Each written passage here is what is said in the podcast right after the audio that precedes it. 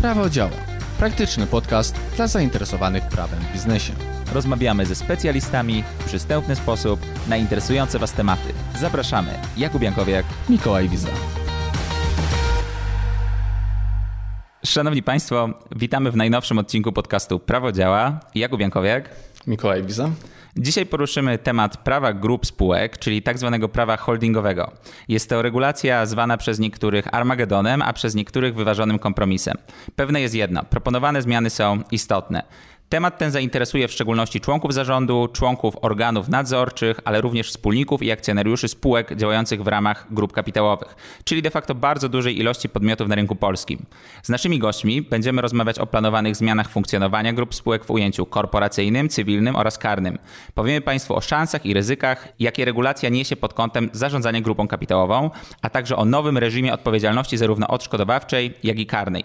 Naszymi gośćmi są Piotr Karlik, adwokat, doktor nauk prawnych, adiunkt w Katedrze Postępowania Karnego Uniwersytetu imienia Adama Mickiewicza w Poznaniu. Dzień dobry, panie mecenasie. Dzień dobry, witam serdecznie. Marcin Barłok, radca prawny, specjalista w temacie prawa handlowego. Cześć, dzień dobry. Rozmawiamy dzisiaj o prawie grup spółek, czyli tak zwanym właśnie prawie holdingowym i na jakim etapie jest regulacja, czy ona już obowiązuje? Nie, regulacja zdecydowanie jeszcze nie obowiązuje. Regulacja nawet się jeszcze nie pojawiła w Sejmie. I no cóż, ja trzymam kciuki, żeby do tego Sejmu nie doszła i żeby się w tym Sejmie nie pojawiła. Na razie mamy 8 grudnia pojawiła się druga wersja mm, projektu nowelizacji przygotowana przez komisję. E, no i jest ona aktualnie gdzieś na etapie uzgodnień międzyresortowych. Także etap jest to, jest to etap przed wniesieniem ustawy mhm. do Sejmu, projektu ustawy ile, do Sejmu. Ile jeszcze będziemy musieli czekać? No, tak jak mówię, mam nadzieję, że, że ta ustawa w życie nie wejdzie, natomiast e, gdyby, miała, gdyby ta ustawa miała rzeczywiście wejść w życie, no to zakładam, pierwotne plany mówiły o tym, że powinna znaleźć się w Sejmie w drugiej połowie listopada, więc ciężko przewidywać. Ja jakoś tak w połowie grudnia przewidywałem, że to może być końcówka stycznia, początek lutego, natomiast teraz ciężko no, powiedzieć. Powiedziałbym generalnie pierwsza połowa 2021 roku. No rzeczywiście jest to, jest to temat e, podlegający wielu dyskusjom, kiedy ta ustawa wejdzie w życie. E, z informacji, które mamy z Ministerstwa Aktywów Państwowych, e, mamy właśnie rzeczywiście termin koniec, koniec stycznia. Natomiast prace cały czas trwają, ta informacja nie jest jeszcze pewna.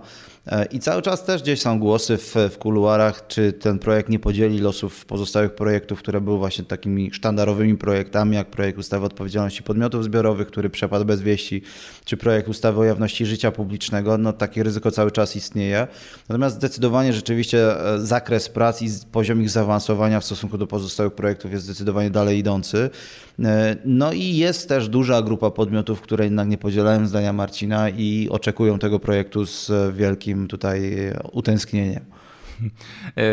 Jako, że mówimy o prawie grup spółek i jako mówimy o takiej rewolucyjnej regulacji, to jak rozumiem, dotychczas prawo grup spółek nie było uregulowane w polskim prawie. Jak to wygląda z perspektywy korporacyjnej, jak wygląda z perspektywy karnej? No z perspektywy korporacyjnej, z perspektywy KSH mieliśmy tak naprawdę do tej pory jeden przepis, artykuł 7, mm, który regulował tak zwane holdingi umowne, czyli umowy zawierane pomiędzy kilkoma spółkami, dwoma lub więcej spółkami o zarządzanie. Natomiast nie mm, kwestia holdingów faktycznych nie była w ogóle regulowana przez przepisy holdingów faktycznych, czyli holdingów funkcjonujących w oparciu o powiązania kapitałowo-osobowe, a nie na podstawie jakiejś umowy yy, prawa handlowego czy umowy prawa cywilnego. Natomiast te holdingi umowne, które są regulowane w artykule 7, to jest promil, jeśli chodzi o całość, wszystkie holdingi funkcjonujące na polskim rynku, więc e, ta regulacja nie dość, że obecnie jest e, regulacją praktycznie niestosowaną, to e, z nowego, według projektu nowelizacji z KSH wypadnie.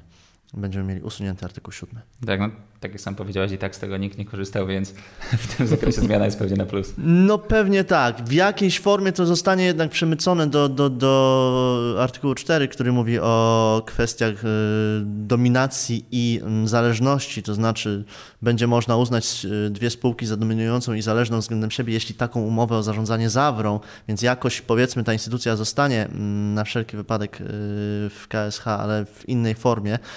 Natomiast na pewno nie będzie ona w dalszym nie zyska ona, natomiast nie zyska ona na znaczeniu moim zdaniem. Dobrze. E, Piotrze, a w zakresie prawa karnego rozumiem, że nie było wcześniej regulacji, która... Nie, takie pojęcie jak grupa spółek e, się, się nie pojawia w kodeksie karnym. Cały czas myślę, że będziemy wracali do tego w czasie naszej rozmowy. Kwestia zakwalifikowania tego, czym jest grupa spółek, e, jest problematyczna. Tak? No pojawia się pytanie, czy to jest inna jednostka, której ustawa przyznaje osobowość prawną, czy też to jest po prostu kwestia związana z interesem podmiotu dominującego. Natomiast na, na chwilę obecną Takiej regulacji absolutnie nie ma. Więc jest to tyle ciekawe, że samo pojęcie grupy spółek nie jest obce polskiemu ustawodawstwu i pojawia się chociażby w kontekście podatkowych grup kapitałowych w ustawie o podatku dochodowym od osób e, prawnych. Więc ten temat gdzieś się pojawia, natomiast sam kodeks karny, czy po prostu kwestia e, orzecznictwa karnego w ogóle ten temat e, omija. Mhm. Czy jesteśmy w sytuacji, w której dotychczas nie mówiliśmy o tym za bardzo w polskim prawie. Pojawiało się to w niektórych ustawach, z tego co pamiętam też na przykład w ustawie rachunkowości, mhm. E, ale z jakiegoś powodu nasz ustawodawca stwierdził, dobrze, teraz jest dobry moment, żeby zainteresować się tą kwestią. Jakby, czy jest jakaś odpowiedź na pytanie, dlaczego teraz? Dlaczego teraz? No być może nasz ustawodawca wreszcie dojrzał do tego, aby takie przepisy wprowadzić. One były już e, projektowane w przeszłości. Był projekt Komisji Kodyfikacyjnej sprzed 10, 11 nawet lat e, na ten temat, natomiast wtedy nie osiągnięto jakiegoś kompromisu. E, też postanowiono, kiedy wprowadzono artykuł 7 do KSH 20 lat temu, no to postanowiono zobaczyć, jak, ten, jak stosowanie tego artykułu wyjdzie w praktyce. No i cóż, no teraz widać, że ten artykuł stosowany nie jest w ogóle, więc e, no czas najwyższy, żeby coś z tym zrobić. Tak? Szczególnie, że grupy spółek potrzebują jakiejś kompleksowej regulacji. I tu się, tu się całkowicie zgadzamy. Też nie, nie uważam, że to jest jakieś nagłe rozwiązanie. Rzeczywiście te prace trwają już od, od jakiegoś czasu i temat uregulowania funkcjonowania grup kapitałowych pojawia się co jakiś czas. No teraz projekt ujrzał światło dzienne i rzeczywiście ta dyskusja mogła się rozpocząć i to samo w sobie jest pozytywne. E, czy potrzebna jest regulacja w takim kształcie, to myślę, że będziemy o tym rozmawiać. Natomiast e, niewątpliwie zgadzam się z tym, że jakakolwiek regulacja jest potrzebna, no bo myślę, że tajemnicą Poliszynela jest to, że grupy kapitałowe funkcjonują w Polsce i to też grupy, międzynarodowe grupy kapitałowe i kwestia wzajemnej relacji spółki dominującej i spółek zależnych wymaga chociażby minimalnego ustandaryzowania po to, żeby chronić przede wszystkim spółkę zależną. Mhm. Wydaje się, że właśnie problemem braku, problemem z regulacją w tej kwestii było prawdopodobnie to, że są tu właśnie te sporne grupy interesów i gdzieś tam pewnie zazwyczaj pojawiał się problem, żeby, żeby pogodzić te grupy interesów. Zresztą jak to często bywa w naszym kraju, no dobrze, ale. No może w takim razie e, wyklaryfikujmy parę pojęć, no bo według obecnego projektu, czym jest obecnie e, grupa kapitałowa spółek? Czym ona ma być, jak to ma funkcjonować w takim najbardziej podstawowym modelu? Znaczy nowe przepisy posługują się pojęciem grupy spółek. Tak? To formalnie nie jest to holding, nie jest to grupa kapitałowa, jest to grupa spółek w rozumieniu y, przepisów. Grupą spółek, co do mamy definicję. E, w projekcie jest mhm. wprowadzona definicja grupy spółek i według tej definicji za grupę spółek uważa się spółkę dominującą, jedną, i spółkę albo spółki od niej zależne, a więc jedną lub więcej spółek zależnych, które kierują się mm, wspólną strategią gospodarczą i w związku z tą, z tą wspólną strategią gospodarczą wymagają jednolitego kierownictwa ze strony spółki dominującej. Rozumiem, tutaj pojawiła się kontrowersja, o której kiedyś pamiętam, że mówiłeś podczas jednego szkolenia, że do końca nie wiadomo, czy chodzi o grupę spółek, w której tylko jedna spółka jest spółką dominującą, czy więcej spółek w ramach grupy spółek może być spółkami dominującymi, prawda? Załóżmy, że mamy no tak. cztery szczeble spółek i czy wobec mnie spółki położonej na najniższym szczeblu tylko spółka najwyżej jest spółką dominującą, czy spółka, która we mnie ma 100% udziałów na przykład też jest spółką dominującą? Tak, no mówimy o tej zależności spółka, powiedzmy nazwijmy to spółka babcia, spółka matka i spółka wnuczka. Dokładnie, e, dokładnie. Jednocześnie córka wobec spółki matki. Tak, ten trzypoziomy status. No tak jak wspomniałem, jeśli chodzi o tę definicję, która jest obecnie w projekcie, ta definicja mówi tylko i wyłącznie o jednej spółce dominującej i myślę, że, no, że ma to znaczenie, bo w przypadku spółki zależnej jest mowa wprost o spółce lub spółkach zależnych. Więc patrząc na te przepisy od strony takiej czysto literalnej, wydawałoby się, że e, w danej grupie spółek powinniśmy mieć do czynienia tylko i wyłącznie z jedną spółką dominującą. No natomiast rzeczywistość jest, rzeczywistość jest rzeczywiście inna. I, i, I, pytanie, jak to pogodzić? No, można by stworzyć taki pomysł, że w ramach tak naprawdę jednej rzeczywiście funkcjonującej grupy spółek, grupy kapitałowej, tworzymy kilka odrębnych, tak? gdzie w jednej tej podgrupie spółką dominującą jest ta spółka babcia, natomiast w drugiej podgrupie spółką dominującą jest ta spółka matka. No, Dokładnie, czyli może to tworzyć trochę problemów. Z perspektywy spółki zależnej spółką dominującą mogłaby być zarówno spółka matka, jak i spółka babcia, prawda? Tak, ale Natomiast... mogłaby to być tylko jedna Dokładnie. spółka.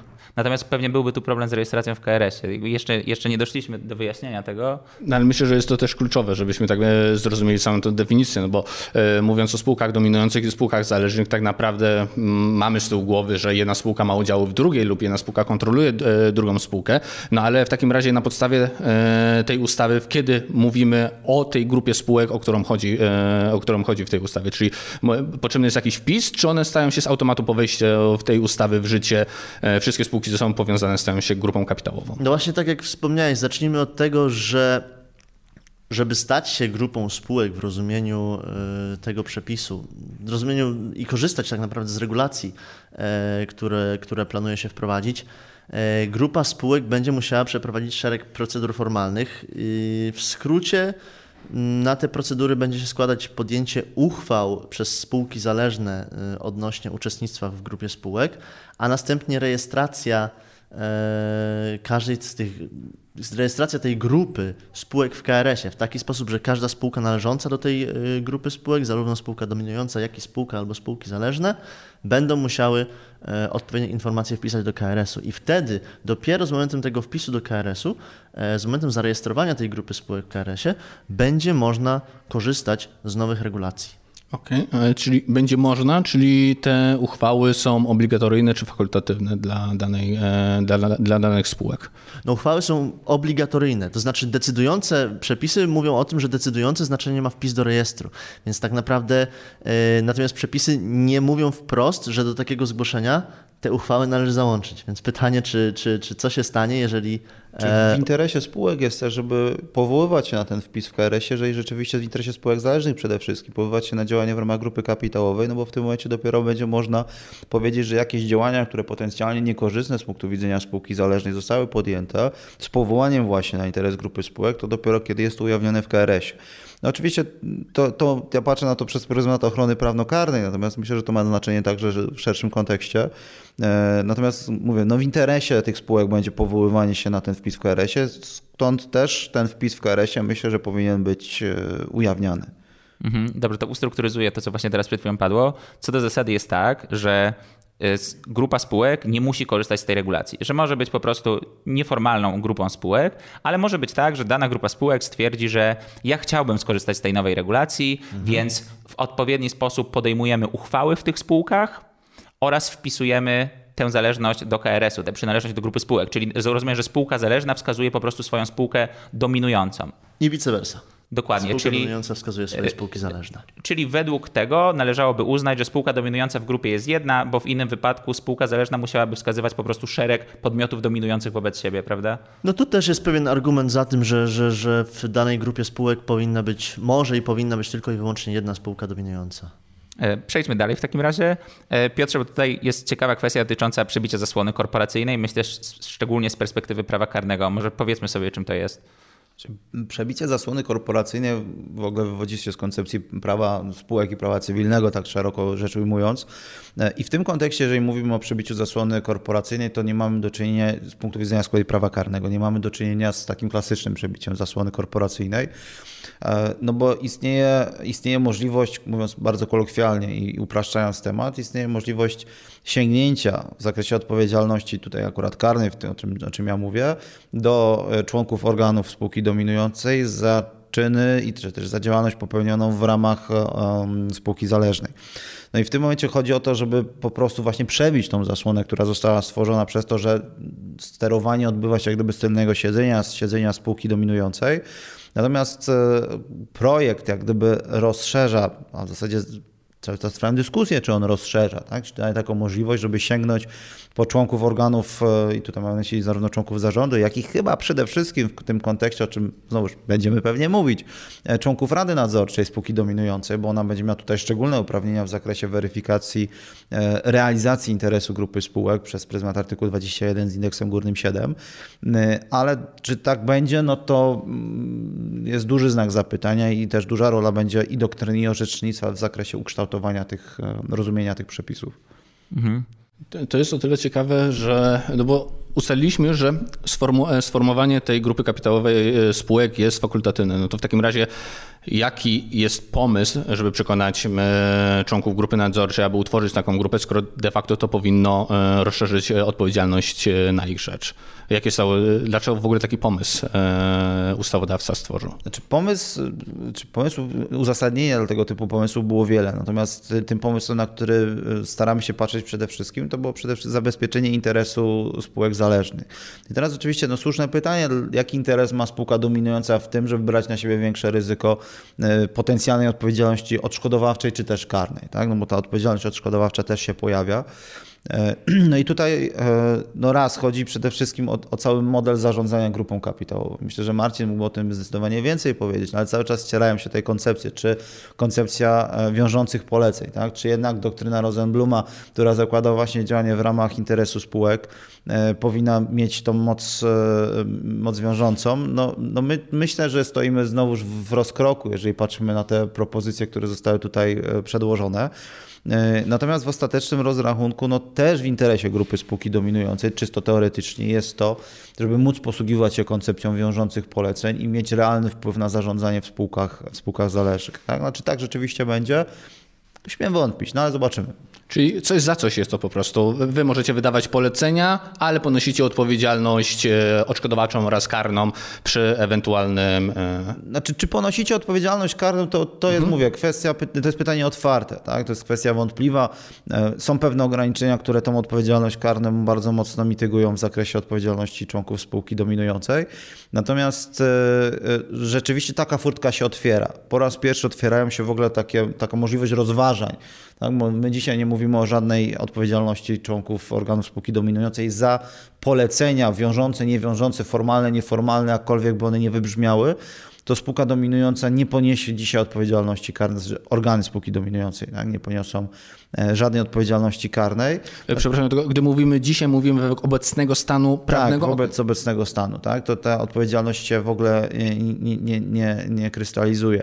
Natomiast jeżeli chodzi o, o, o rzeczywistość, no to, to, to przecież no doskonale wiemy i zdajemy sobie sprawę z tego, że te wiążące polecenia, w cudzysłowie oczywiście, tak? one są wydawane, no i spółka zależna musi sobie z tym poradzić w jakikolwiek sposób. Tak? No i to jest oczywiście obudowywane różnego rodzaju analizami, e, opiniami eksperckimi, profesorskimi. Sam mam przyjemność e, brać udział w tego typu pracach. No i to po prostu polega na tym, że staramy się jakoś uzasadnić podjęcie tej decyzji gospodarczej z punktu widzenia zarówno spółki zależnej, jeżeli to dotyczy spółki zależnej, a z punktu widzenia spółki dominującej, no też jest potrzeba mimo wszystko zabezpieczenia swojego interesu prawnego. Także to jest wszystko ze sobą powiązane. To prawda, bo dzisiaj w końcu nie mówimy o prawnie wiążących poleceniach, ale mówimy o wiążeniach, poleceniach wiążących o tyle, że garza członka zarządu spółki zależnej jest często zależna po prostu od tego, czy dane polecenie na przykład wykona. Znaczy nawet nie kwestia garzy, tylko kwestia, czy on jutro będzie pełnił tę funkcję w tej spółce. No, tak, to, to jest tak daleko idące. Ja bym się jeszcze trochę cofnął. Bo właśnie do tego, jeżeli mogę, e, bo, bo zaczęliśmy już wchodzić na ten temat. Mikołaj sprzedał nam tutaj niezły spoiler, o co chodzi w tej regulacji, ale generalnie chodzi o to, że widzimy, że chodzi o jakieś możliwości, które otwiera ta regulacja w kontekście zarządzania grupą spółek z perspektywy spółki dominującej i jakiejś odpowiedzialności, które to, które to zarządzanie otwiera. Odpowiedzialności zarówno odszkodowawczej, odpowiedzialności karnej. Marcin, może zacznijmy od kwestii korporacyjnych, czyli kwestii tego, że wiemy już, że uczestnictwo w grupie w sensie skorzystanie z regulacji jest fakultatywne. Nie trzeba tego robić. Mm, ale jak generalnie opisałbyś to, te możliwości, które daje nam regulacja? To znaczy, ja bym zaczął od tego, o czym wspomniał Piotr, mm, bo Piotr posłużył się dwoma pojęciami: interesu grupy spółek i e, wiążącego polecenia. E, pierwsze pojęcie pochodzi z doktryny francuskiej, drugie z doktryny niemieckiej. To są tak naprawdę dwa ścierają, dwie ścierające się koncepcje tego, jak uregulować prawo grup spółek. E, nasz ustawodawca stanął przed dylematem właśnie, czy skorzystać z y, koncepcji francuskiej interesu grupy spółek, czy jednak wykorzystać wersję niemiecką wiążących poleceń i postanowił tak naprawdę e, te dwie koncepcje połączyć w jedną, naszą polską, narodową. Powiedziałeś przed chwilą, że one się ścierały ze sobą. One tak? się, no znaczy tak, one, one bazują na trochę innych, y, innych elementach, Założeniach, innych, mhm. tak, innych założeniach i mm, wykształciły się niezależnie od siebie. Tak? Częstsza jest w Europie instytucja interesu grupy spółek, wiążące polecenie to niemieckie jest trochę mniej stosowane, e, no ale jednak zasada jest taka, że idziemy albo w tę stronę, albo w tę stronę. Więc przechodząc do Twojego pytania, które rozumiem tak naprawdę w, ta, w taki sposób, co nam dają nowe przepisy. Tak.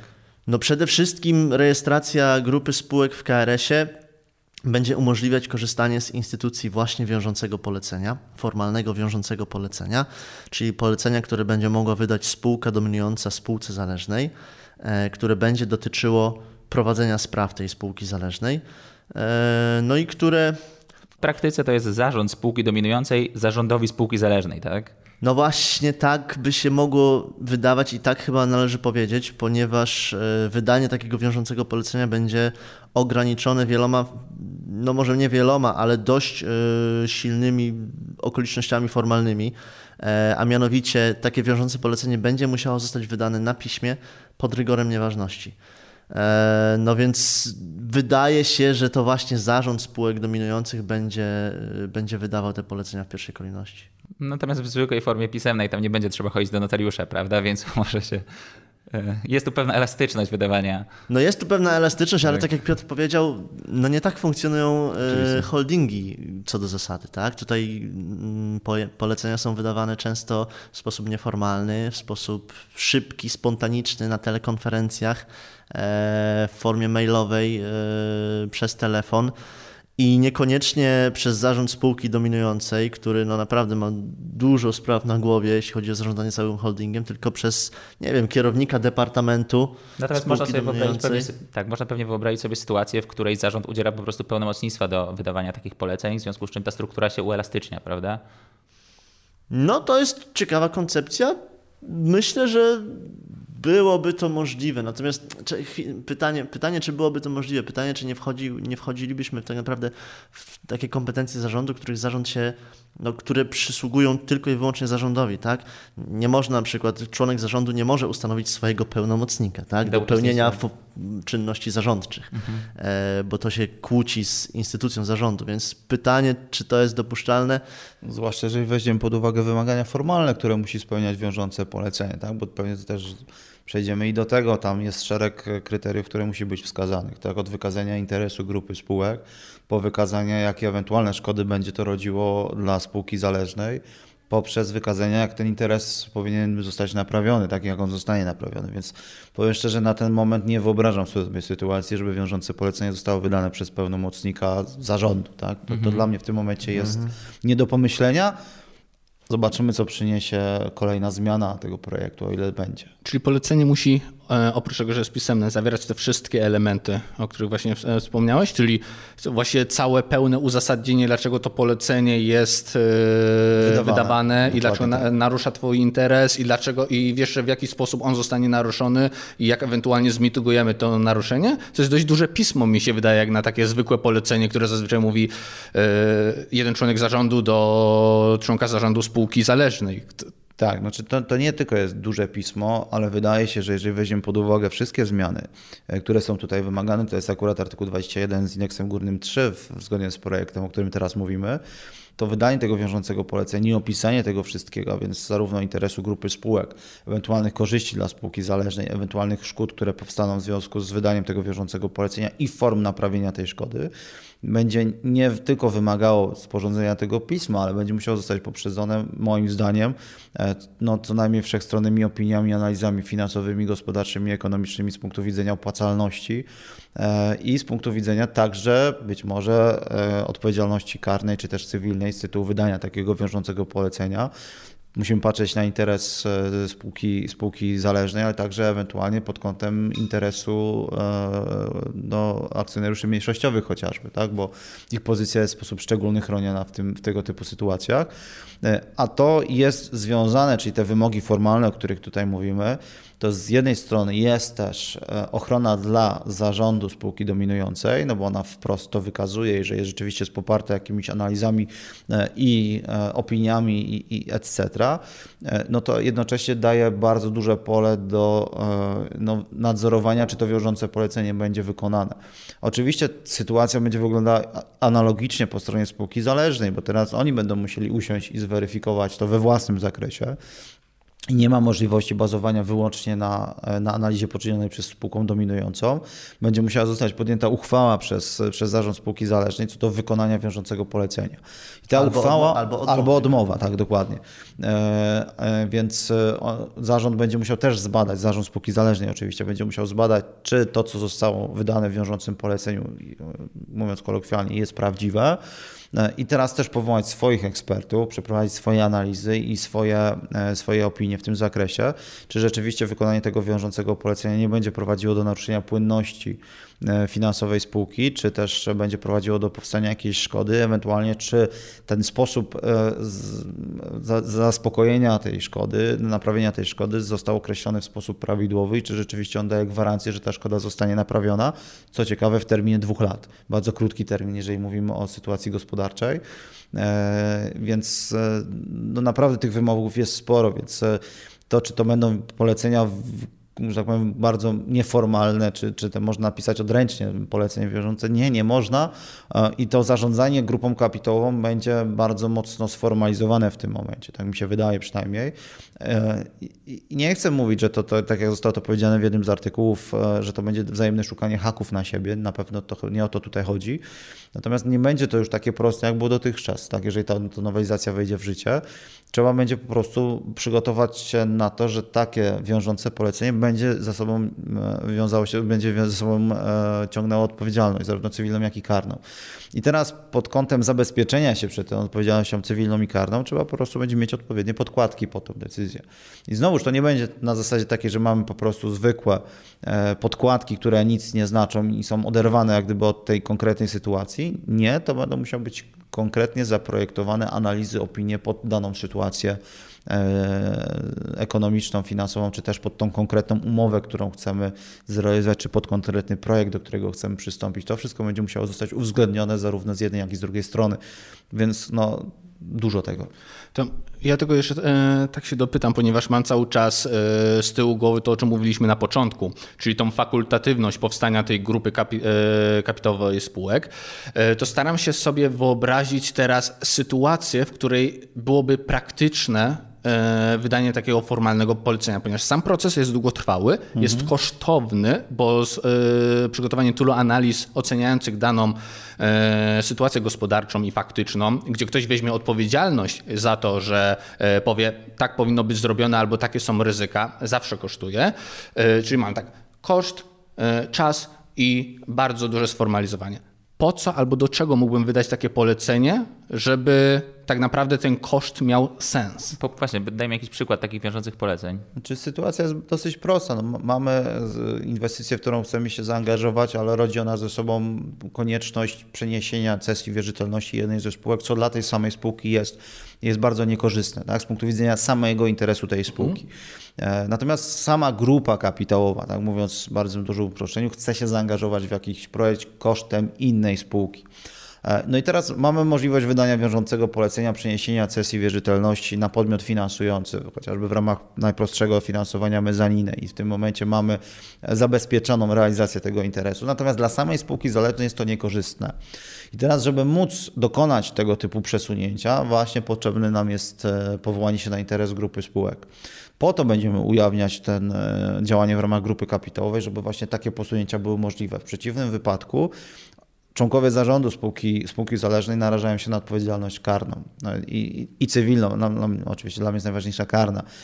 Gdy tego, tego nie ma, ta odpowiedzialność jest, bym powiedział, dosyć jaskrawa. Natomiast gdy to jest, dochodzi do rozmycia tej odpowiedzialności. Ewentualnie możemy nawet mówić o wyłączeniu tej, tego, tej odpowiedzialności, jeżeli to zostanie spełnione e, te wszystkie wymagania formalne, tak, o których tutaj mówimy zarówno z artykułu 21 z indeksem górnym 3, jak i 4 Jeżeli to zostanie spełnione, to przepis z kolei artykuł 21 z indeksem górnym 5 mówi, że nie mamy tutaj do czynienia z przestępstwem, nie popełnia przestępstwa członek organu spółki zależnej, jeżeli działa zgodnie z tymi prawidłami. Więc między innymi po to jest ujawnianie tego działania w ramach grupy kapitałowej, żeby możliwe było tego typu przesunięcia, tego typu działania, tego typu e, angażowanie się w inwestycje. Ciekawe, czyli de facto bardziej członkom organów spółki zależnej powinno e, zależeć na tym, aby funkcjonować w ramach grupy kapitałowej. E, no bo z tego wychodzi, że... To, co mówiliśmy na początku, tak? czy to jest zabezpieczenie e, organów spółki zależnej, natomiast z punktu widzenia interesu spółki dominującej, no to również, jeżeli zaczniemy się zastanawiać nad potencjalną odpowiedzialnością karną członków zarządu, czy też członków Rady Nadzorczej spółki dominującej i możliwość wydawania takich wiążących poleceń, no to znowu wracamy do konstrukcji wiążących poleceń. Gdyby tego nie było, e, nie byłoby ujawnionego działania w ramach grupy kapitałowej, no to nie masz możliwości wydania wiążącego polecenia. Okay. Nie masz możliwości wydania wiążącego polecenia, które, co ciekawe, ciekawe, wcale nie uwalnia od odpowiedzialności karnej członków zarządu spółki dominującej, bo to zostało wykreślone z najnowszego projektu, y, ale no, nie masz tej możliwości. Tak? No, I tutaj posługujemy się już naprawdę no, zaawansowaną matematyką w zakresie opłacalności tej inwestycji. No i jeżeli to ci się nie zgadza i to ryzyko bierzesz na siebie, no to w tym momencie nie masz żadnej podkładki pod to. Działanie w ramach grupy spółek sprawia, że tego typu działania, które na pierwszy rzut oka e, są niekorzystne, są możliwe przez pryzmat, i tutaj wprowadzamy nowe pojęcie, przez pryzmat business judgment rule e, czyli e, działa opłacalności ekonomicznej danej inwestycji. Jeżeli z perspektywy całości to się opłaca, czyli z perspektywy grupy kapitałowej, wejście w daną inwestycję się opłaca, no to opłaca się też pojedynczemu podmiotowi wchodzącemu w skład tej grupy, no bo skoro grupie się to opłaca, no to dla niego też to się opłaca. Nawet jeżeli mogłoby to prowadzić chwilowo do sytuacji dla niego niekorzystnej, tak? a więc do kwestii przesunięcia jakiejś wierzytelności, czy też nawet e, no nie, tu o utraty płynności nie ma mowy, bo to jest warunek e, do, do odmowy przyjęcia takiego wiążącego polecenia. Natomiast z perspektywy ekonomicznej nie musi się to opłacać na pierwszy rzut oka. Dobra. Po to właśnie została wprowadzona, znaczy nie została wprowadzona, ale po to właśnie e, debatuje się nad wprowadzeniem tych przepisów. Tak? One mają uzasadniać sytuację, kiedy działania mm, faktycznie niekorzystne z perspektywy grupy, e, Jednego z perspektywy podmiotu? spółki zależnej, tak, są działaniami korzystnymi dla całego, całego zgrupowania spółek, całej grupy i tym samym również dla tej spółki zależnej tylko że w dłuższej perspektywie. Natomiast wydaje się, że jeżeli te, że jeżeli te działania są korzystne w dłuższej perspektywie dla spółki zależnej, ona mogłaby podjąć te działania i bez tego wiążącego polecenia. Notabene wydaje się też, że to takie przekonanie o tym, że e, no bo tak naprawdę mówimy tutaj głównie o interesie grupy kapitałowej i o autonomii jakichś członków zarządu, na przykład spółki zależnej, prawda? Czy członkowie spółki zależnej, e, członkowie zarządu spółki zależnej mają jakąś siłę, żeby uruchomić w grupie procedurę, która pozwoli im ściągnąć z siebie odpowiedzialność. Ja tak to rozumiem. To znaczy, że wejście w model tej ustawowej regulacji grup spółek pozwala członkom e, spółki zależnej uwolnić od odpowiedzialności, a tak jak wcześniej rozmawialiśmy, prawdopodobnie i tak musieliby to polecenie wykonać, dlatego że w innym przypadku musieliby na przykład przestać być członkami. Co prawda musieliby się liczyć z tym ryzykiem, ale z reguły jest pewnie Pytanie, czy w praktyce jest tak, że oni z tym ryzykiem się liczą? Znaczy właśnie, jeżeli, przepraszam, mhm. jeżeli pytasz o, o, praktykę, no to moje, tak wedle mojego doświadczenia i w zasadzie tak jak to oceniam, to raczej się niewiele zmieni. E, dlatego, że i dzisiaj organy, e, znaczy niewiele się zmieni z perspektywy spółki, spółki zależnej. Dlaczego? Dlatego, że zarząd podejmując określoną decyzję co do wykonania tego nieformalnego wiążącego polecenia i tak się zabezpiecza pod kątem e, ewentualnie odpowiedzialności karnej. Artykuł 296, który jest takim klasycznym przepisem, który pozwala na, na, na sięgnięcie czy pociągnięcie do odpowiedzialności karnej członków, członków zarządu spółki zależnej, czyli działanie na szkodę spółki. E, no, wymaga wykazania jakiegoś działania w, w normalnego ryzyka gospodarczego. Tak? Więc jeżeli to musimy wykazać po to, żeby się uwolnić od tej odpowiedzialności, no to jest to samo, co musimy zrobić pod kątem e, wykonania wiążącego polecenia. Oczywiście to będzie się troszeczkę różniło, bo będziemy musieli się odnosić do tego wiążącego polecenia, natomiast formuła pozostanie taka sama. Będziemy starali pokazać, że działamy w ramach określonej formuły.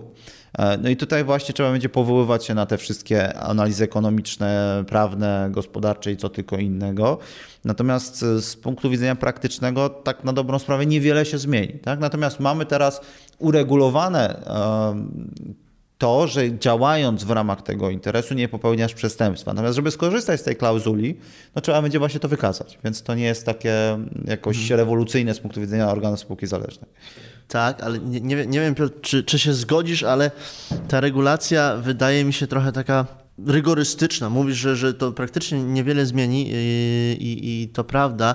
Natomiast ja myślę o tym, że mm, przepis, przepis 21 y, ze znaczkiem 4, o ile dobrze pamiętam, mówi na przykład, że jeśli zarząd spółki zależnej rzeczywiście zdecyduje, że mm, wykonanie tego wiążącego polecenia będzie niekorzystne, mm, te, spełnią się te przesłanki negatywne, e, to tym samym zarządowi nie zostanie przyznane uprawnienie do odmowy wykonania wiążącego polecenia.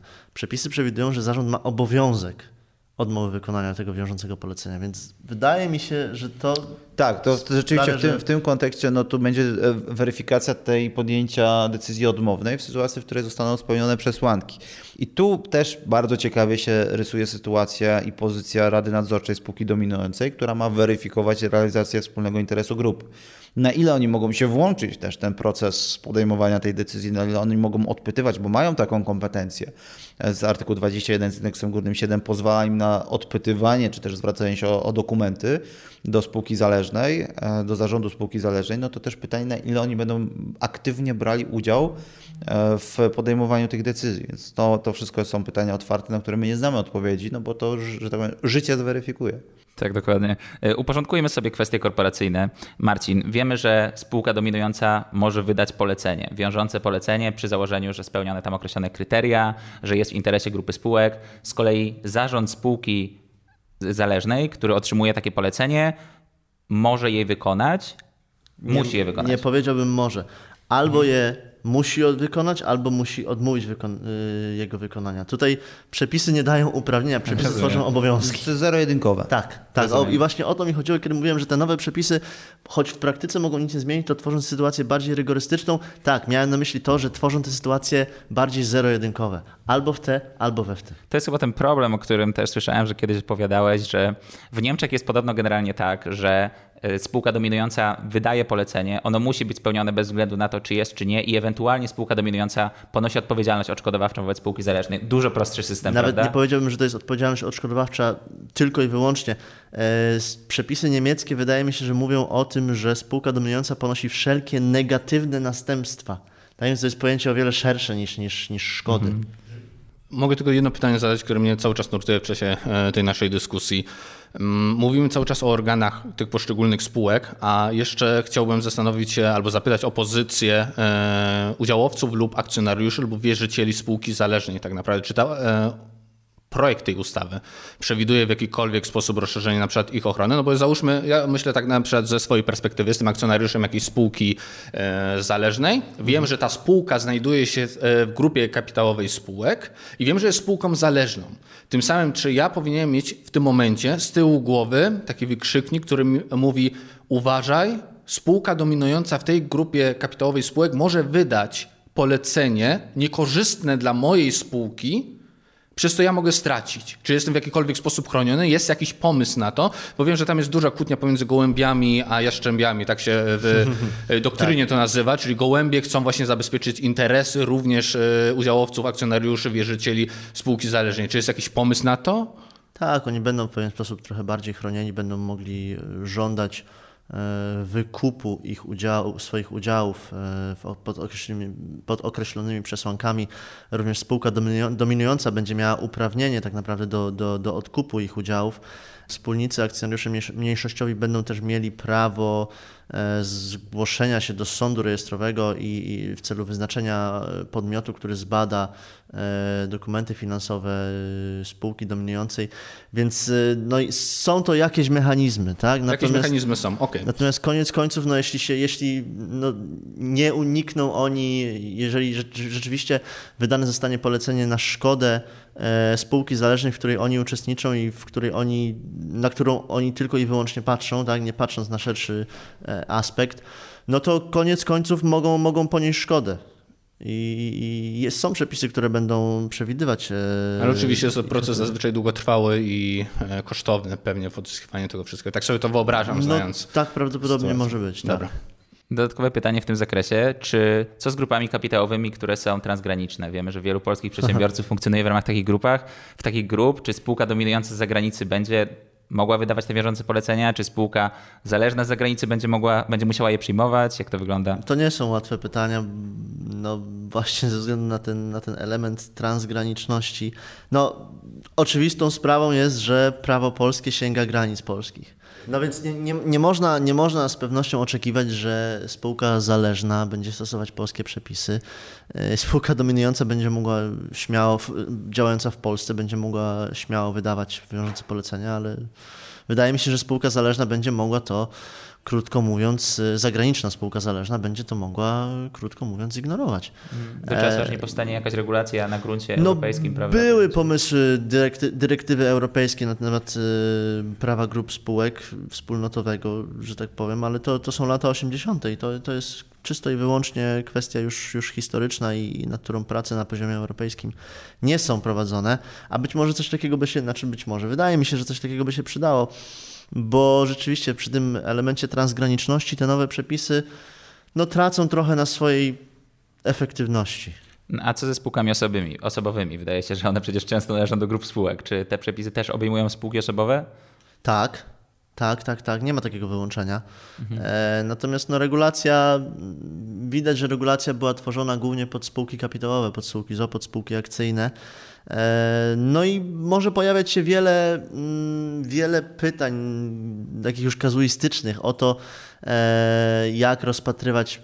Mamy na przykład przesłankę, że mm, za szkody wobec za szkody wobec akcjonariuszy i wspólników mniejszościowych z tytułu obniżenia wartości ich udziałów odpowiada spółka dominująca która ma w tej spółce zależnej, w której są ci mniejszościowi akcjonariusze i wspólnicy, co najmniej 75% kapitału.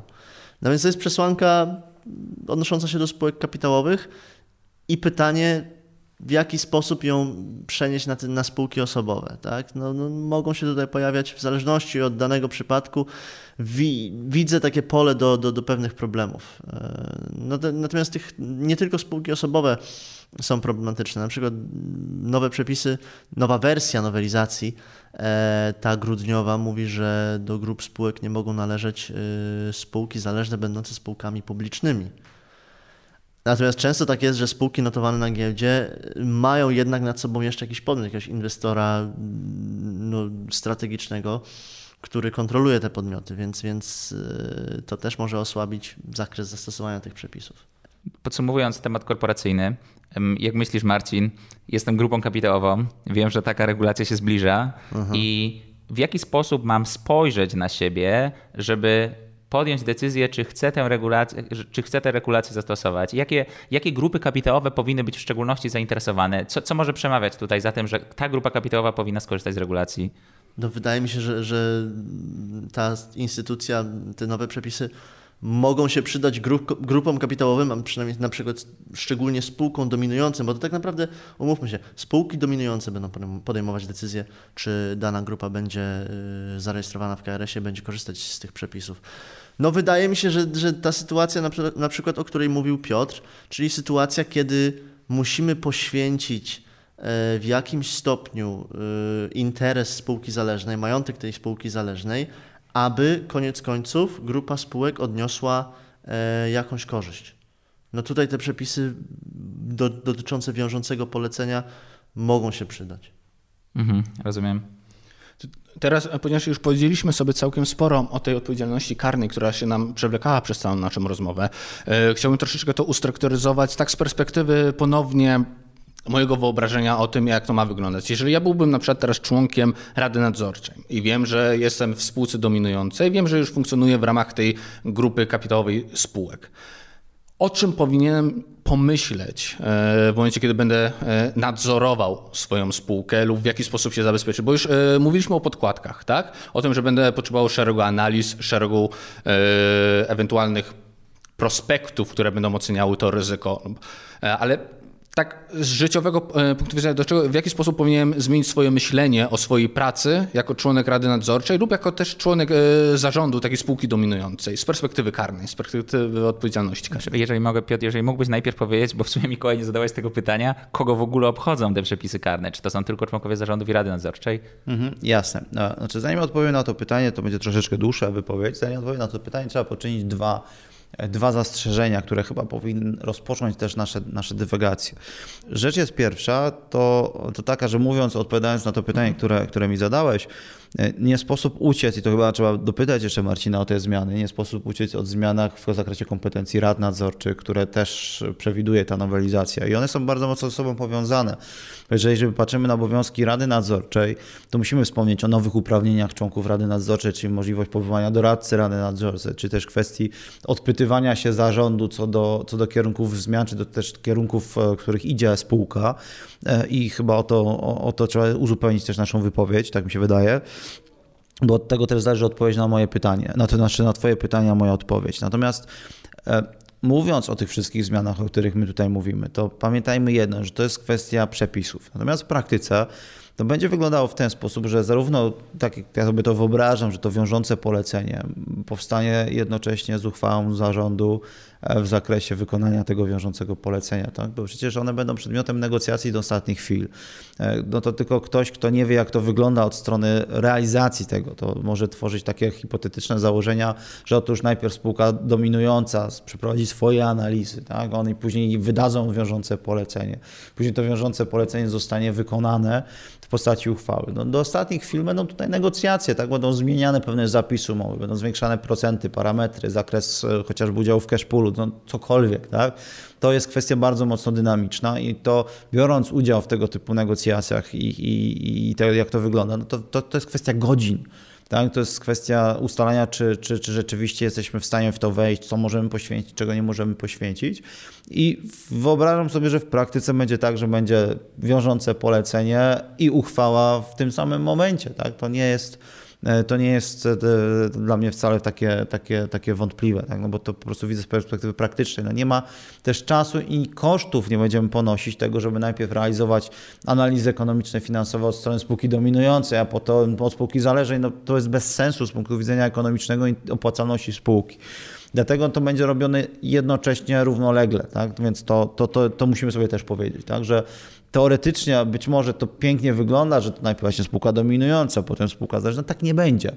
Tak? I to jest, to, to, to jest dla mnie oczywiste, że tak nie będzie. Po prostu to jest poza jak gdyby e, logiką zarządzania grupą spółek po prostu. E, więc chociażby z tego powodu ta koncepcja wiążących poleceń jest jak gdyby no, wątpliwa, tak? albo przynajmniej kontrowersyjna tak w ostatecznym rozrachunku, tak? jak patrzymy na to, jak to działa w praktyce. E, to jest jedna rzecz. Natomiast odpowiadając na to pytanie, e, to czy regulacja dotyczy, czy to ryzyko karne dotyczy tylko członków zarządu, czy członków rad nadzorczych? Oczywiście nie. No, patrząc teoretycznie, no bo artykuł 296 mówi o tym, kto rzeczywiście zarządza spółką. Tak więc jeżeli te kwestie zostaną delegowane, powiedzmy, na kogoś, o ile mogą być delegowane, o czym sobie mówiliśmy wcześniej, no to, to, to też będzie rozszerzało się na inne podmioty. Natomiast Generalnie mówimy tutaj o członkach zarządu i o członkach rad nadzorczych. Dlaczego o członkach rad nadzorczych? Tak? Bo to też jest ważne pytanie. Dlatego, że po pierwsze, o czym myślę powie Marcin, e, kompetencje rady nadzorczej ulegają zwiększeniu. To, co powiedziałem wcześniej, oni będą mogli stale występować, odpytywać zarząd, co się dzieje w spółce i będą mogli korzystać z doradcy Rady Nadzorczej i będą mogli e, tutaj zabierać jakoś stanowisko w tym zakresie. Oczywiście fakultatywnie będą mogli także, e, to jest oczywiście zależy od samej spółki, będą mogli wyrażać zgodę na podjęcie określonej uchwały, co dzisiaj też w praktyce może zostać przewidziane w umowie spółki czy w statucie. E, więc to jest kwestia w statucie, więc to jest kwestia oczywiście e, oczywista.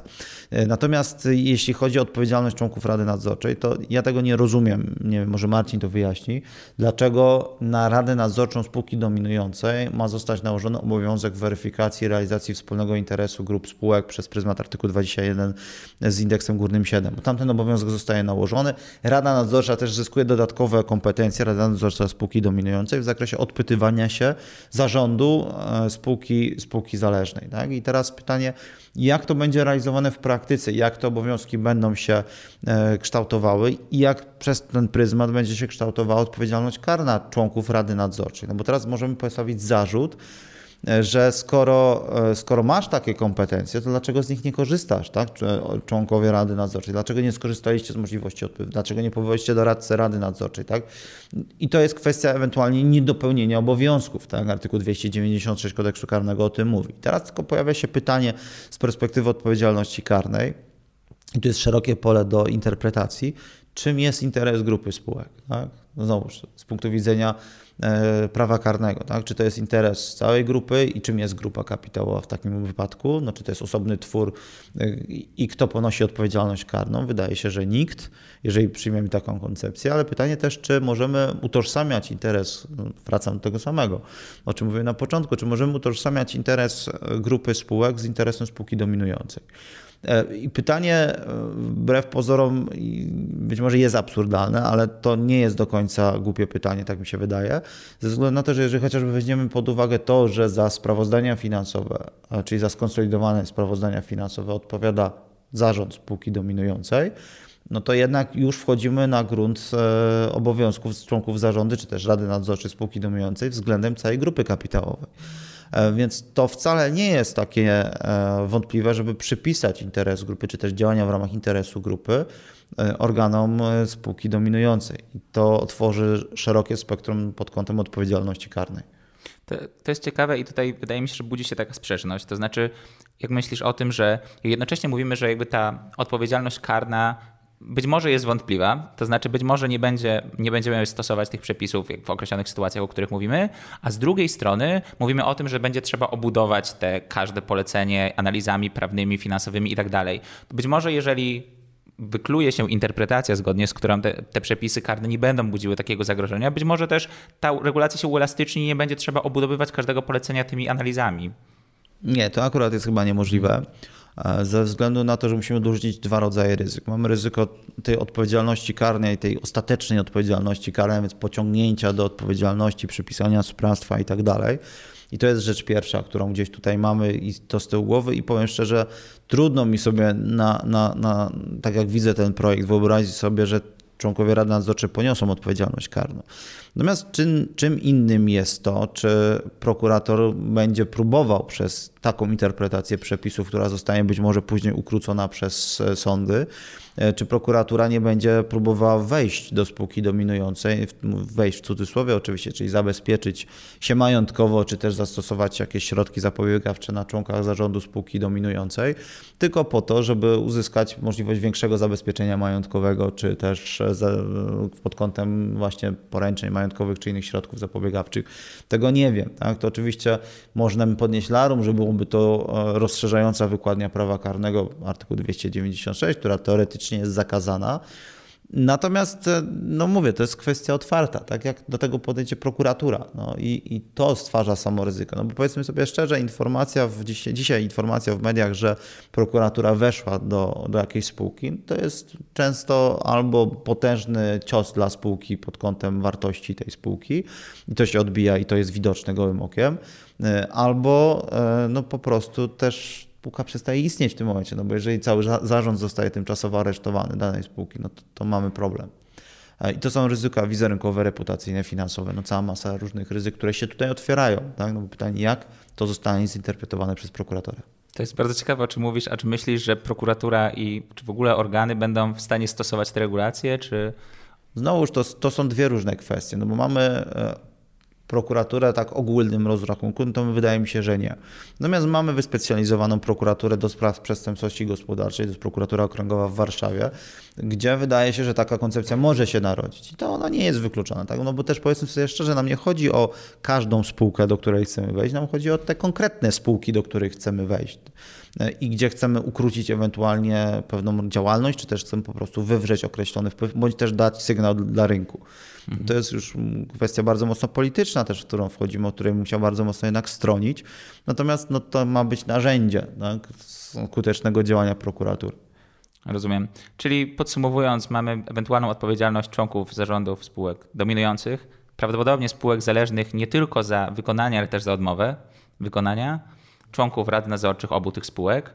Czy Czy ktoś jeszcze mógłby tutaj w związku z tą regulacją, mógłby się obawiać ewentualnych skutków przepisów, które wchodzą? No jeszcze są wierzyciele spółek zależnych. E, wierzyciele, którzy otrzymali też swój odrębny przepis 21 ze znaczkiem 14, który ma na celu ich chronić.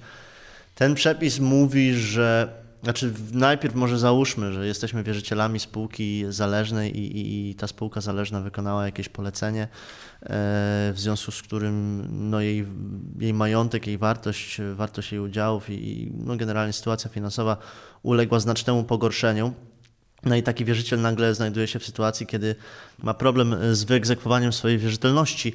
E, no i może wtedy udać się z tą wierzytelnością do spółki dominującej, ale też jest to obwarowane szeregiem warunków. Po pierwsze, szkoda musi być następstwem wiążącego polecenia, tak? a to no, trzeba to wykazać. Po drugie, mm, do spółki dominującej wierzyciel będzie mógł pójść tylko wtedy, jeśli e, dojdzie do niewypłacalności e, spółki zależnej. Po trzecie, spółka dominująca będzie mogła E, jakby uwolnić od, od odpowiedzialności e, twierdzeniem, że e, we właściwym czasie zgłosiła wniosek o ogłoszenie upadłości swojej spółki zależnej. Więc to też i ta, ta możliwość, te przepisy ochronne dotyczące ochrony wierzycieli spółek zależnych też są obwarowane mnóstwem przesłanek i też nie wiadomo, jak one tak naprawdę w praktyce, no czy one w praktyce okażą się skuteczne, czy będą skutecznie chronić wierzycieli. Dobra, Marcin, zadam pytanie wprost. Czy te przepisy umożliwiają drenowanie spółek zależnych? Trochę tak, no tak, tak, tak, tak, się, tak się mówi, tak się podnosi i rzeczywiście e, w wielu przypadkach tą granicą dopuszczalnej eksploatacji spółki zależnej przez spółki dominujące jest y, niewypłacalność spółki zależnej. Więc y, z perspektywy spółki dominującej może to być działanie korzystne, ale na pewno nie jest ono korzystne z perspektywy tych, tych grup mniejszościowych, czy to wierzycieli, czy wspólników i akcjonariuszy mniejszościowych. Rozumiem. Myślę, że dużo sobie powiedzieliśmy o tej regulacji. Może spróbujmy to podsumować w taki sposób, że jeszcze raz zastanówmy się, że jesteśmy tą grupą kapitałową i jakie tutaj największe szanse i zagrożenia przemawiają za tym, już podsumowując te wszystkie rzeczy, o których powiedzieliśmy, przemawiają za tym, żeby skorzystać z możliwości, którą daje nam ta regulacja. Jakie, tutaj są, jakie ta regulacja niesie największe szanse i zagrożenia? No, jeśli chodzi o kwestię e, spółki, spółki zależnej, bo zacznijmy, idźmy od dołu. Tak? Jeśli chodzi o kwestię spółki zależnej, no to rzeczywiście zostaje wprowadzony przepis, artykuł 21 z górnym 5, który mówi, że nie popełnia przestępstwa członek organu Rady Nadzorczej i tak dalej, i tak dalej. Tam jest cały szereg podmiotów wymienionych, który działa, wykonuje wiążące polecenie w ramach e, właśnie e, artykułu 21 ze znaczkiem 4 i 21 ze znaczkiem 3, a więc tego, tego wiążącego polecenia zgodnie z tymi kryteriami formalnymi. Co ciekawe, teraz sobie tylko uświadomiłem, przypomniałem w głowie, że tam jest kwestia nie odpowiada, nie popełnia przestępstwa, kto wykonuje polecenie a więc nie ma przestępstwa za odmowę wykonania z punktu widzenia interesu grupy spółek, no to też jest tam gdzieś ciekawe, ale to jest logiczne, tak? To, to myślę, że to nie budzi większych wątpliwości. Więc e, z punktu widzenia organów spółki zależnej mamy zwiększoną ochronę prawną, mamy wprost przepis, który, który mówi, że nie popełnia przestępstwa. E, I to, co ciekawe, nie popełnia przestępstwa e, niedopełnienia obowiązków bądź przekroczenia uprawnień. Tam jest tak powiedziane wprost. I teraz będzie pytanie, co to znaczy? Czy mamy tylko do, na myśli przestępstwa, które charakteryzują się przekroczeniem kompetencji bądź niedopełnieniem obowiązków. I takie przestępstwa mamy tylko trzy w kodeksie karnym, artykuł 296, 296 1a i 296a kodeksu karnego. Natomiast e, są też przestępstwa chociażby przeciwko wierzycielom, które mogą być popełnione w związku z wykonaniem tego, e, tego wiążącego polecenia, ale tutaj już pytanie, jest otwarte, czy tutaj mamy również e, wyłączenie tej, tej przestępczości, czy też, czy, też, czy też nie. Na to pytanie nie znam jeszcze odpowiedzi, możemy się tylko zastanawiać, jak to zostanie zinterpretowane.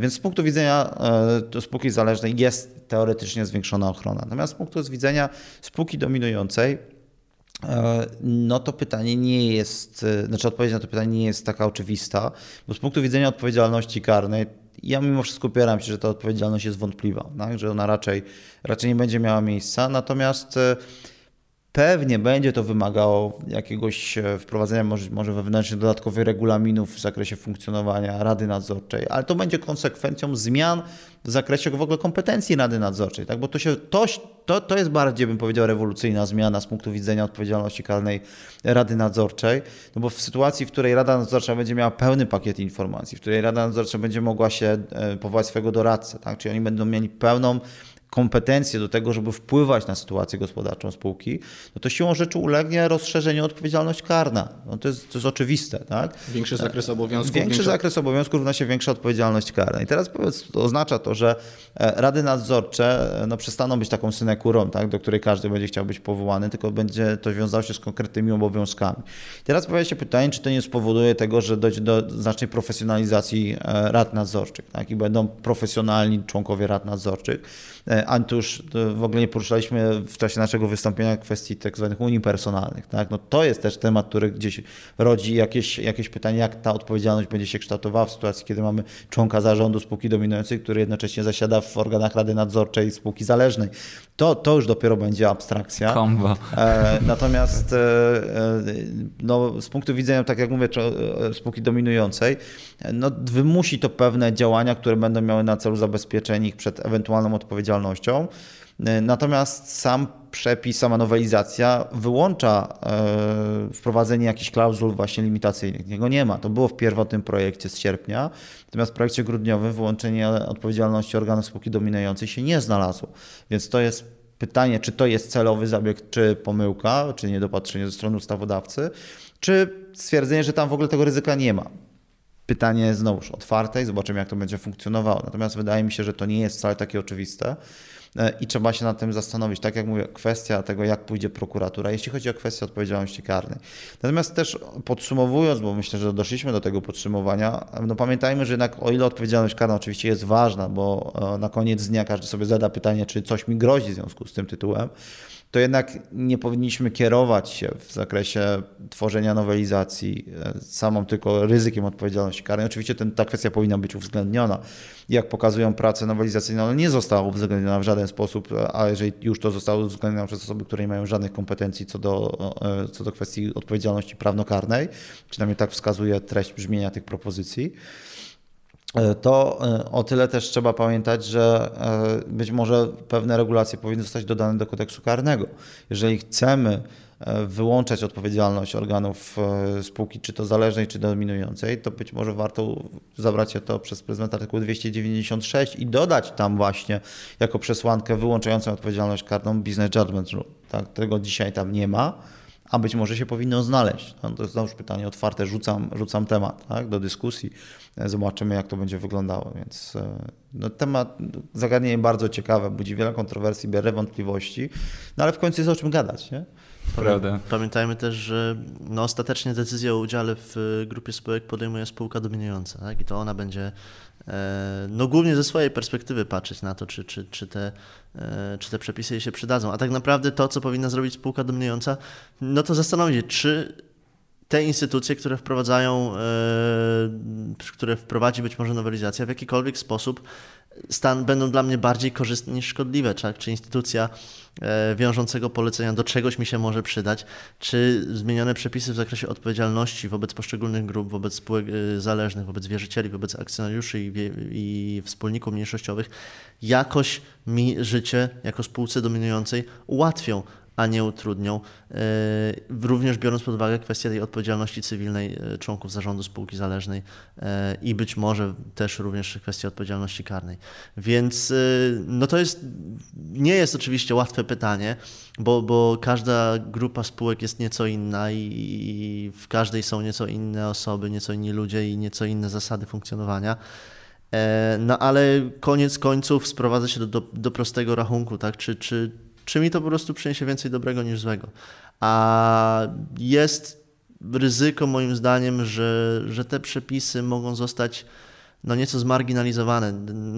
Może nie, chcę powiedzieć, że jest ryzyko, że te przepisy nie będą miały aż takiego istotnego znaczenia dla funkcjonowania y, grup kapitałowych, no bo Nie chcemy też nie chcemy powiedzieć, że przez to, że zostanie wprowadzona instytucja wiążącego polecenia, które będzie musiało zostać wydane przez zarząd na piśmie, pod rygorem nieważności i tak dalej, i tak dalej, że przez to znikną e, instytucje jakichś poleceń wydanych nieformalnie. Nie, oczywiście te instytucje będą dalej istniały e, i, i dalej takie polecenia będą wydawane, tylko one nie będą wiążącymi poleceniami, więc, więc tak naprawdę to jest też pytanie, które należy sobie zadać. Czy ja to wiążące polecenie mogę do czegoś wykorzystać? Czy mi jest dobrze w mojej grupie spółek tak, jak jest teraz? E, no oczywiście mm, z założeniem, że coś się kiedyś może stać w zakresie powstania odpowiedzialności wobec jakichś podmiotów, jakichś podmiotów wobec innych podmiotów, no ale to jest moim zdaniem też jedno z ważnych pytań, tak? Czy, czy, wiążące, czy ja w ogóle będę wykorzystywać wiążące polecenie jako spółka dominująca? Rozumiem to w taki sposób, że jeżeli mamy grupę kapitałową, w której współpraca układa się dość sztywno, w której czasami po prostu przeciągamy linę z, nad, z zarządami spółek zależnych, być może wtedy te grupy kapitałowe będą mogły się skusić na tę regulację, bo będą miały to narzędzie, że tak się wyrażę, wymuszenia pewnego rodzaju posłuszeństwa u spółek zależnych przy założeniu, że polecenia będą będą w grupie, w interesie grupy spółek. Tak, tylko musisz, musisz pamiętać, że o wiele bardziej efektywnym instrumentem będzie wtedy odwołanie niesfornego członka zarządu spółki zależnej i powołanie nowego. Zakładam, prawda? że są jednak członkowie zarządu, którzy mają kompetencje i czasami możemy nie chcieć ich zmieniać, ale to jest niezłe podsumowanie. Nie ma też, y, to też taka kwestia nie ma tam żadnych limitów czasowych, tak? Więc, więc e, tak naprawdę cała ta procedura tego negocjowania, wiążącego polecenia, o którym Piotr mówił, mm, czyli tak naprawdę wydawania tego polecenia formalnie i formalne jego przyjęcia do wykonania albo formalnej odmowy wykonania, e, no może niepotrzebnie albo jakoś no, no, może nadmiernie wydłużać e, proces decyzyjny w spółce. No właśnie mam tutaj takie pytanie. Mam wrażenie, że jednej ważnej rzeczy nie poruszyliśmy. Jeżeli mówimy o szansach i zagrożeniach, chciałbym jeszcze tę rzecz usłyszeć. To znaczy, bo mówimy o tych ciągle o tych poleceniach, o tych wiążących poleceniach i tak dalej, ale w zasadzie to czego mogą dotyczyć te polecenia? Czy to jest tak, że ja jako członek zarządu spółki nadzorczej, e, spół, przepraszam, spółki dominującej, mogę wydać polecenie członkowi zarządu spółki zależnej o zwolnieniu swojej sekretarki? To znaczy, Czego w ogóle mogą dotyczyć te polecenia? Mogą dotyczyć prowadzenia spraw spółki. Tak to jest e, uregulowane w przepisie. E, muszą mm, być uzasadnione interesem grupy spółek, to po pierwsze, po drugie muszą dotyczyć prowadzenia spraw spółki. Czy, co znaczy prowadzenia spraw spółki? To znaczy tak naprawdę, tak naprawdę całej, całego zakresu działań zarządu, prawda? No, co do zasady, tak, no mamy prowadzenie spraw spółki i reprezentację spółki, tak, no ale prowadzenie tak, podejmowanie wszelkich czynności prawnych, y, niekoniecznie też prawnych, faktycznych, które no, prowadzą, e, które, które dotyczą prowadzenia które dotyczą spraw spółki. Które Czyli dotyczą... teoretycznie, teoretycznie polecenie o zwolnieniu sekretarki mogłoby się pojawić. No powiem Ci tak, jeśli to, a jakbyś, Jeżeli uzasadnił, uzasad... jakbyś uzasadnił to, że jest to yy, uzasadnione yy, interesem grupy spółek? Być może sposób... przeprowadzamy restrukturyzację zatrudnienia. No tak. Pamiętajmy, że tego typu działania nie rodzą żadnych konsekwencji cywilnych i karnych, więc wydawanie w tym zakresie polecenia wiążącego jest absurdalne. No, no tak, to prawda, jedynie chciałem jakby no, zaobrazować, po, czego dotyczy. Po, podrążyć temat. No, to będzie dotyczyło kwestii fundamentalnych z punktu widzenia zaciągnięcia określonych zobowiązań, sprzedaży nieruchomości na przykład, tak, czy kwestii właśnie wejścia w jakiś projekt z inwestorem międzynarodowym, tego typu kwestie. Mhm. Znaczy już zdecydowanie dużo bardziej poważne. Ostatnie pytanie, no które chyba, że to jest jakaś potężna sekretarka, która naprawdę wpływa na całą grupę. Ostatnie pytanie, które chcielibyśmy Wam zadać, to jest Wasza opinia o tej regulacji. Jak się z nią czujecie? Czy będzie przyjemnie na niej pracować, zakładając, że wejdzie w życie w tej formie? No ja jestem sceptyczny. Moim zdaniem regulacja e, próbuje zaspokoić wszystkie interesy wszystkich grup, mm, które uczestniczą w, takim, e, w takiej instytucji jak grupa spółek, nie tak naprawdę nie zabezpieczając każdego z tych interesów w sposób odpowiedni. To jest to, o czym powiedziałeś wcześniej, tak? że istnieją jakby te dwie różne doktryny funkcjonujące w Europie. Nasz ustawodawca stara się je połączyć w jedną i nie za bardzo mu to wychodzi. Nasz ustawodawca wydaje mi się, że chce wszystko osiągnąć tą, tą regulacją. Chce zarówno umożliwić spółce dominującej jakieś sprawniejsze zarządzanie poprzez y, instytucje wiążących poleceń, chce jednocześnie wyłączyć, y, znaczy chce, chce, chce przewidzieć y, jasne zasady odpowiedzialności wobec, wobec wszystkich grup tej spółki dominującej. E, no moim zdaniem regulacja może się okazać, że będzie stosowana marginalnie. Jeśli o mnie chodzi, to na ten moment e, ani nie podchodzę pozytywnie, ani negatywnie do tej ustawy, znaczy do projektu ustawy, bo to jest projekt. To jest projekt, który jest mimo wszystko jeszcze na bardzo wczesnym stadium procedowania, bo on jeszcze nie trafił do Sejmu, to co mówiliśmy na początku. I do tego jeszcze długa droga. Już e, te przykłady, które wymieniłem wcześniej, pokazały mnie i wyleczyły mnie z jakiegoś hura entuzjazmu co do jakiegokolwiek projektu. Interesujący projekt do prowadzenia dyskusji na ten temat to jest tyle, co ja widzę. Natomiast e, ostatecznym rozrachunku pytanie, jak długie będzie vacatio legis. Tak? Bo jeżeli się okaże, że spółki Tydzień. będą miały bardzo niewiele czasu, no to, to rzeczywiście już bym się zaczął martwić tym projektem i gdzieś tam przewidział budżet na, na jakieś tam zmiany w tym zakresie e, i, i jakieś ruchy pewnie zacząłbym wykonywać. Natomiast na ten moment, tak jak mówię, to nie jest rzecz, która, która powinna zaprzątać głowę w tym momencie E, członkom zarządu jednej czy drugiej spółki po prostu to jest projekt. Warto wiedzieć, że coś takiego jest, ale naprawdę nie poświęcaj czasu na to, żeby jakoś więcej e, badać tą kwestię. Tak? No, przyjdzie na to czas jeszcze, mam nadzieję. Tak? No I, tak. Wszystko regulacja może ulec zmianie. Wszystko się jeszcze może zdarzyć. Już ulegała zresztą. Już ulegała. No i z tego co pamiętam, obecnie w projekcie Vacatio Legis wynosi 6 miesięcy, ale może to oczywiście ulec zmianie. Panowie? czy trzy? Chyba, chyba, chyba trzy, ale nie trzy? jestem pewien. Wydaje mi się, że pierwotnie znaczy, były trzy i zmienili jest to bardzo krótkie wakacje legizmu. Nie widzę powodu, dla którego miałoby być to tak szybkie, tak? Tak szybkie zmiany. Natomiast rzeczywiście tylko odwołam się jeszcze, że tu rzeczywiście były zakrojone szeroko konsultacje społeczne. Naprawdę tych opinii wpłynęło mnóstwo. Ponad 200, o ile dobrze pamiętam, chyba 270 parę. No, było e, chyba 800 stron. Więc e, i do wszystkich uwag się ustosunkowali projektodawcy.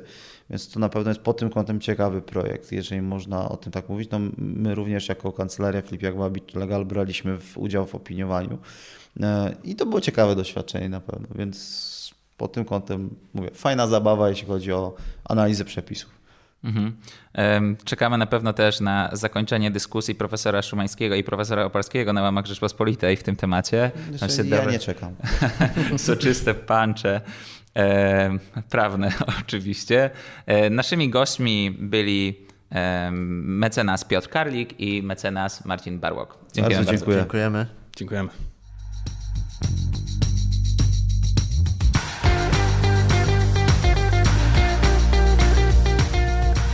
Dziękujemy za wysłuchanie tego odcinka podcastu Prawo Działa. Mamy nadzieję, że przekazaliśmy Wam wartościowe informacje. Jeśli chcesz się z nami skontaktować, napisz maila na adres podcast Jeśli z kolei nie chcesz, aby ominęły Cię najnowsze odcinki, subskrybuj nasz podcast w swojej ulubionej aplikacji oraz na naszym kanale YouTube. Nie zapomnij o zostawieniu pięciu gwiazdek. Pomożesz nam dotrzeć do nowych słuchaczy. Do usłyszenia w następnym odcinku. Jakub Jankowiak, Mikołaj Wiza.